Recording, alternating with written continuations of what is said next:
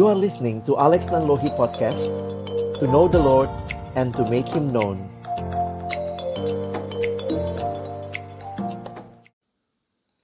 Mari kita berdoa sebelum kita membaca merenungkan firman Tuhan. Kami datang dalam ucapan syukur ya Tuhan, terima kasih kesempatan ibadah Engkau berikan kepada kami anak-anakmu. Dan kami akan membuka firman-Mu ya Tuhan, kami mohon bukalah juga hati kami. Jadikanlah hati kami seperti tanah yang baik, supaya ketika benih firman-Mu ditaburkan, itu boleh sungguh-sungguh berakar, bertumbuh, dan juga berbuah nyata di dalam kehidupan kami. Berkatilah baik hambamu yang menyampaikan firman, setiap kami yang mendengar, tolonglah kami semua ya Tuhan, agar kami bukan hanya jadi pendengar firman yang setia, tapi mampukan dengan kuasa pertolongan dari rohmu yang kudus, kami dimampukan menjadi pelaku-pelaku firman-Mu di dalam hidup kami, di dalam masa muda kami. Bersabdalah ya Tuhan kami anak-anakmu sedia mendengarnya dalam satu nama yang kudus, nama yang berkuasa, nama Tuhan kami Yesus Kristus. Kami menyerahkan pemberitaan firman-Mu. Amin. Shalom Bapak Ibu, saudara-saudara yang dikasihi dalam Tuhan Yesus Kristus, anak-anak yang saya kasihi. Kita bersyukur kepada Tuhan kesempatan ibadah Tuhan kembali berikan kepada kita dan juga kesempatan untuk merenungkan firman-Nya. Tema yang akan kita renungkan hari ini adalah kasih dan keadilan Allah. Just love. Seringkali mungkin kita melihat dua hal ini bukanlah hal yang mudah untuk disandingkan. Karena kalau kita bicara kasih tanpa keadilan, maka cenderung akan memanjakan. Kasih, kasih, kasih melulu tanpa ada keadilan, tanpa ada teguran, tanpa ada ketegasan. Sehingga kasih tanpa keadilan hanya menjadi kemanjaan. Namun di sisi yang lain, ketika hanya ada keadilan, keadilan, keadilan tanpa kasih, cenderung menjadi otoriter, cenderung menjadi sesuatu yang tidak menyenangkan karena di dalamnya tidak ada kasih yang membalut, kasih yang memberikan ketenangan, memberikan kehangatan. Namun, bagaimana kita bisa mengerti akan kedua hal ini? Kasih dan keadilan pada saat yang sama, apalagi dikaitkan dengan keselamatan yang kita terima di dalam Kristus. Apakah keselamatan itu hanyalah aspek kasih Allah kepada kita, ataukah keselamatan itu adalah aspek keadilan Allah bagi kita? Nah, sama-sama kita akan melihat bagaimana firman Tuhan menjelaskan akan hal ini. Saya mengajak kita membaca terlebih dahulu di dalam kitab Roma pasalnya yang ke-6 ayat yang ke-23. Roma pasal 6 ayat yang ke-23 kita akan belajar tentang apa artinya keselamatan yang kita terima di dalam Kristus Yesus. Roma 6 ayat 23 sebab upah dosa ialah maut. Tetapi karunia Allah ialah hidup yang kekal dalam Kristus Yesus Tuhan kita. Sekali lagi, sebab upah dosa ialah maut. Tetapi karunia Allah ialah hidup yang kekal dalam Kristus Yesus Tuhan kita. Saya ingin kita melihat keselamatan yang Tuhan berikan kepada kita di dalam anaknya Tuhan Yesus Kristus. Secara sederhana iman Kristen mengingatkan kita bahwa masalah mendasar manusia bukan sekadar masalah masalah moral. Manusia kurang baik, kurang berhikmat, kurang hidup dengan bijak, tetapi kita diingatkan bahwa masalah yang mendasar dari kehidupan setiap manusia adalah masalah spiritual. Masalah spiritual berkaitan dengan relasi manusia dengan Allah, dan ketika manusia tidak memiliki relasi itu, maka secara spiritual yang terpisah dengan Allah, kita mengalami kebinasaan, atau yang Paulus gunakan istilah maut, sebab upah dosa ialah maut. Jadi, bukan hanya masalah moral, tapi hidup yang bermoral saja ini pun tidak cukup untuk menjembatani kita datang kepada Allah. Karena itulah kita melihat karya keselamatan yang bukan diusahakan oleh manusia, bukan karena perbuatan baik kita yang menyelamatkan kita. Tetapi kekristenan berkata karya keselamatan adalah anugerah Allah semata, bukan karena perbuatan baik kita. Kita diselamatkan bukan karena apa yang kita lakukan, tetapi karena apa yang Allah lakukan bagi kita. Karena itu mari kita melihat siapakah Allah kita yang mengampuni dosa kita, Allah yang mengasihi kita, Allah yang memberikan keselamatan bagi kita. Yang pertama mari kita lihat bahwa dia adalah Allah yang kasih adanya. Di dalam Yohanes 3 ayat 16, ayat yang sangat terkenal, dikatakan karena begitu besar kasih Allah akan dunia ini sehingga ia telah mengaruniakan anaknya yang tunggal supaya setiap orang yang percaya kepadanya tidak binasa, melainkan beroleh hidup yang kekal. Di dalam ayat yang penting ini kita melihat betapa mengerikannya dosa. Karena dosa membawa kebinasaan, tetapi betapa luar biasanya kasih Allah, kasih yang memberikan anaknya yang tunggal dan setiap kita yang percaya tidak binasa. Inilah bukti kasih Allah yang luar biasa bagi kita. Allah mengaruniakan anaknya yang tunggal mati di kayu salib. Namun dia bangkit dan memberikan kemenangan itu kepada kita. Kita baru saja merayakan Paskah, kita ingat betapa luar biasanya karya Kristus bagi kita. Kita melihat kasih Allah yang luar biasa Allah yang tidak menciptakan kita lalu membiarkan kita ketika kita jatuh di dalam dosa. Tetapi Allah yang memberikan jalan keluar atas dosa itu. Dengan memberikan anaknya yang tunggal. Yang menyatakan kasihnya yang besar bagi kita. Kebinasaan bukan rencana Allah bagi kita.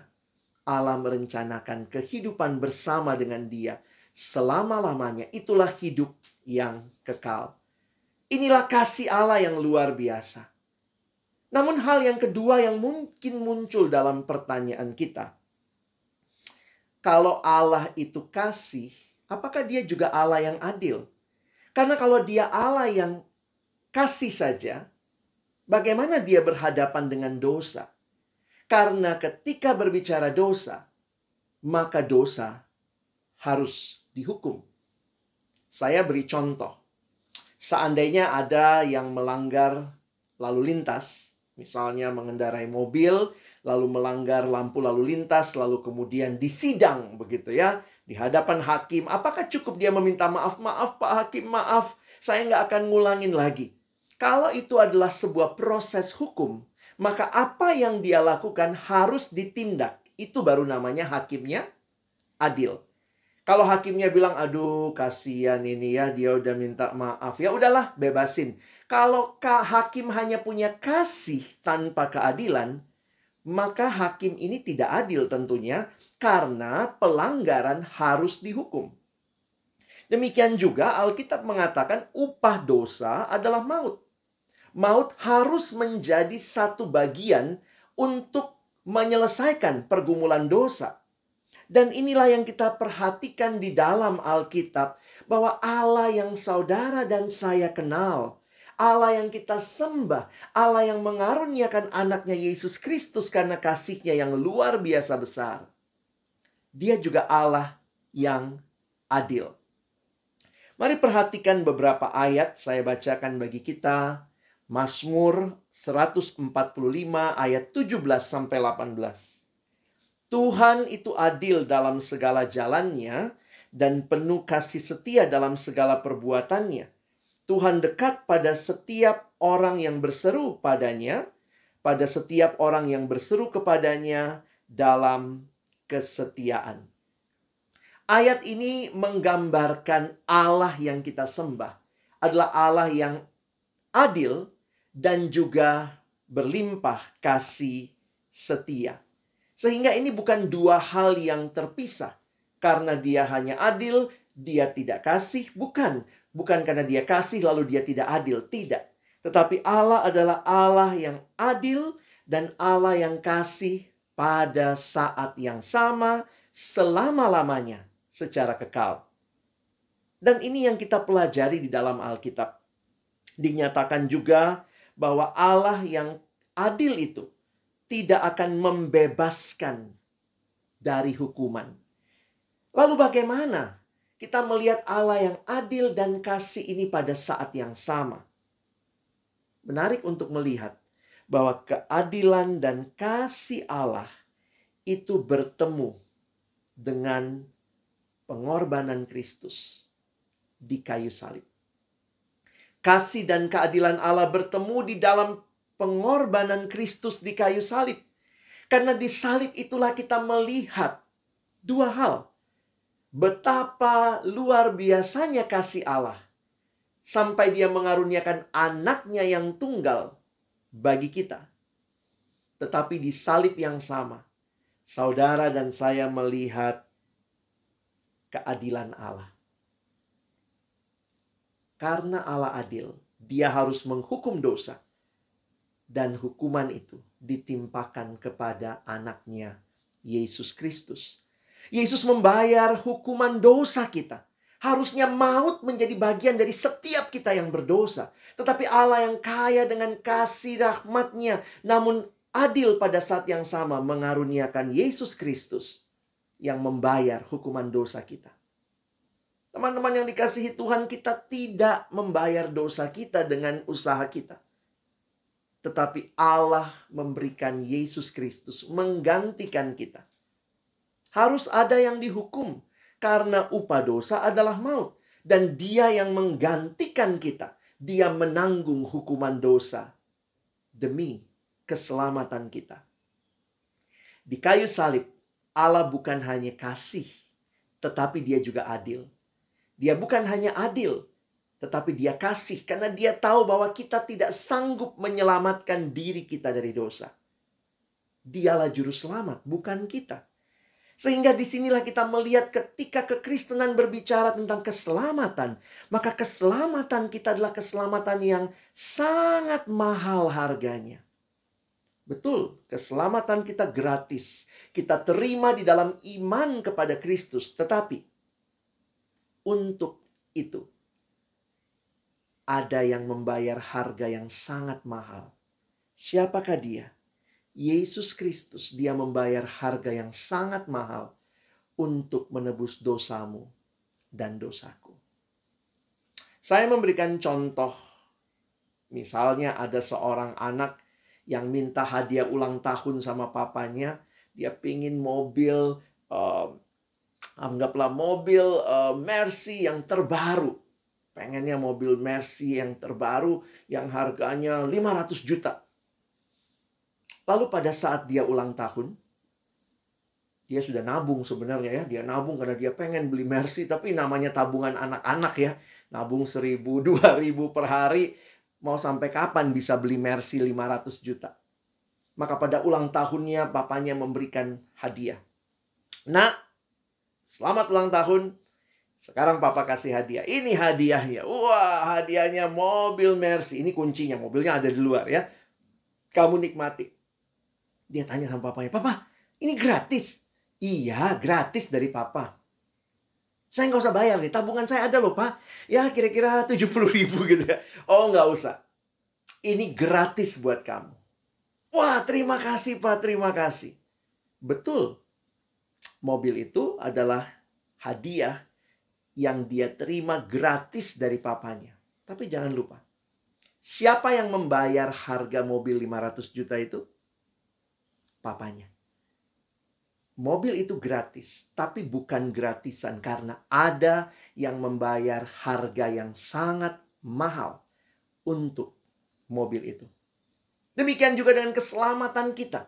Kita terima dalam iman, kita percaya gratis tanpa usaha kita. Kita hanyalah melihat Kristus yang tersalib, kita percaya dan itu dijadikan kebenaran bagi kita. Keselamatan bukan karya kita, tapi karya Allah. Kalau kita menerimanya dengan gratis, maka ingatlah, itu bukan gratisan. karena untuk menyelamatkan saudara dan saya, Yesus mengaruniakan kepada kita hidupnya sendiri. Kasih karunia yang luar biasa, tetapi juga terjadi dia membayar harga yang sangat mahal untuk dosa-dosa kita di dalam keadilan Allah. Jadi kalau kita mengerti akan hal ini sungguh luar biasa. Keselamatan sekali lagi bukan apa yang saya lakukan bagi Tuhan, tapi apa yang Kristus lakukan bagi kita dan itu dinyatakan dengan memberikan seluruh hidupnya, nyawanya ganti kita. Supaya jelas di situlah kasih Allah. Ada jalan keluar atas dosa. Tetapi juga keadilan Allah. Ada hukuman atas dosa yang harus ditanggung. Karena itu Roma pasal 3 ayat 27 sampai 28 menyatakan Jika demikian, apakah dasarnya untuk bermegah? Tidak ada. Berdasarkan apa? Berdasarkan perbuatan, maksudnya perbuatan kita? Tidak, melainkan berdasarkan iman, karena kami yakin bahwa manusia dibenarkan karena iman dan bukan karena melakukan hukum Taurat. Inilah kasih dan keadilan Allah yang bertemu di salib Kristus yang memberikan kepada kita keselamatan yang kekal dan bukan usaha kita. Karena itu terpujilah Allah yang memberikan kasih dan keadilannya di kayu salib bagi setiap kita. Lalu bagaimana respon kita? Tentunya kita tidak lagi hidup dalam hidup yang lama, tapi kita masuk dalam hidup yang baru. Hidup yang baru dikatakan oleh Paulus di dalam 2 Korintus pasal 5 ayat 17. Jadi siapa yang ada di dalam Kristus, ia adalah ciptaan baru. Yang lama sudah berlalu, sesungguhnya yang baru sudah datang. Di atas kayu salib terjadi transaksi. Aku telah dibayar lunas oleh Kristus ini yang dinyatakan oleh Rasul Petrus di dalam 1 Petrus 1 ayat 18 sampai ayat yang ke-19. Sebab kamu tahu bahwa kamu telah ditebus dari cara hidupmu yang sia-sia, yang kamu warisi dari nenek moyangmu itu bukan dengan barang yang fana, bukan pula dengan perak atau emas, melainkan dengan darah yang mahal, yaitu darah Kristus yang sama seperti darah anak domba yang tak bernoda dan tak bercacat. Engkau telah dibeli, harganya lunas dibayar.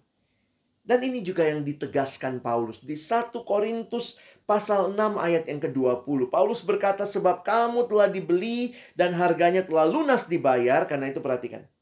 Karena itu muliakanlah Allah dengan tubuhmu. Saudara yang dikasihi Tuhan, inilah kehidupan yang Tuhan berikan bagi kita yang percaya kepada karya, kasih, dan keadilannya. Mari sama-sama kita mengingat kembali bahwa kita telah dibeli, harganya lunas dibayar. Kalau kita beli sebuah benda, maka tentunya benda itu sekarang jadi milik kita dan harusnya benda itu melayani kita, melayani apa yang menjadi tujuan kita. Kalau Allah menebus engkau dan saya. Dia membayar harganya lunas. Maka biarlah sekarang kita berkata kepada Tuhan, Tuhan aku hanya mau hidup bagimu. Teman-teman yang dikasihi Tuhan, masa muda sering kali menjadi masa di mana kita mau melakukan banyak hal. Kita mau mencoba banyak hal. Tapi biarlah kita selalu ingat, ini bukan lagi hidupku, ini hidup Kristus di dalam aku. Karena itu, aku akan terus bertanya, Tuhan, apakah Tuhan mau aku lakukan ini? Kalau ada yang ngajak pornografi, tanya Tuhan, apakah aku boleh menikmati pornografi? Ini bukan hidupku, ini hidup yang kau berikan kepadaku. Kau lunas bayar hargaku, aku bukan lagi milikku. Kalau ada yang ngajak nyontek, tanya Tuhan, boleh nggak aku nyontek? Dan kiranya kita menikmati jawaban Tuhan bahwa engkau milikku. Engkau bukan hidup seperti dunia. Engkau harus hidup seperti apa yang aku kehendaki. Kita hidup hanya satu kali. Dan hidup kita yang satu kali itu adalah hidup yang telah dibayar lunas oleh Kristus. Karena kasih dan keadilannya membawa kita bukan lagi hidup bagi diri kita. Bukan lagi hidup sembarangan, tapi hidup senantiasa ingat. Hidupku bagi kemuliaanmu. Remaja pemuda di Amerika sering kali pakai gelang ya. Tulisannya WWJD. What would Jesus do? Seolah-olah mengingatkan terus. Hidupku bukan lagi milikku. Ini hidupnya Kristus. Sehingga saya harus selalu bertanya, what would Jesus do? Setiap pilihan-pilihan yang kubuat, biarlah bukan sekadar what would I do, what would I like to do, but what would Jesus do. Karena inilah hidup Kristus yang diberikan kepada kita. Mari terus menikmati kasih dan keadilan Allah. Dan mari miliki hati yang terus merindukan Tuhan. Aku ingin hidup bagimu. Tema sekolah dalam tahun ini bicara desiring you merindukan Engkau ya Tuhan, terus ingin dekat denganmu. Dan itu terjadi karena Engkau dan saya telah mengalami karya Allah yang menyelamatkan kita. Selamat menjalani hari-hari kehidupan dengan terus mengingat salib Kristus. Karena di salib itu nyata betul kasih Allah yang memberikan jalan keluar atas dosa dan keadilan Allah di mana dosa hukuman dosa telah dibayar lunas oleh Kristus. Dan hiduplah desiring you, desiring God all of our times. Selamat menikmati masa-masa indah berjalan bersama Kristus. Amin. Mari kita berdoa. Tuhan terima kasih banyak buat kasih-Mu. Terima kasih untuk keadilan-Mu dan terima kasih untuk karya salibmu yang membuktikan kepada kami akan kedua hal yang indah ini. Yang bukan bertentangan, tetapi sungguh nyata di kayu salib itu. Engkau menyelesaikan dosa kami dan memberikan keselamatan kepada kami. Sebagaimana firmanmu di dalam Roma 6 ayat 23 Sebab upah dosa adalah maut, tetapi kasih karunia Allah. Itulah hidup yang kekal di dalam Kristus Yesus. Terima kasih Tuhan. Masih dalam situasi dan suasana Paskah, biarlah kami terus memaknai hari-hari perjalanan kami sebagai anak-anak Tuhan yang terus menginginkan Engkau, desiring you. Karena itulah yang indah yang kami nikmati. Karena ada Tuhan yang berjalan bersama kami. Tolong kami bukan cuma jadi pendengar firman, tapi jadi pelaku-pelaku firman-Mu di dalam kehidupan kami, di dalam masa muda kami. Kami bersyukur, kami berdoa dalam nama Tuhan Yesus. Kami sudah berdoa dan bersyukur. Amin.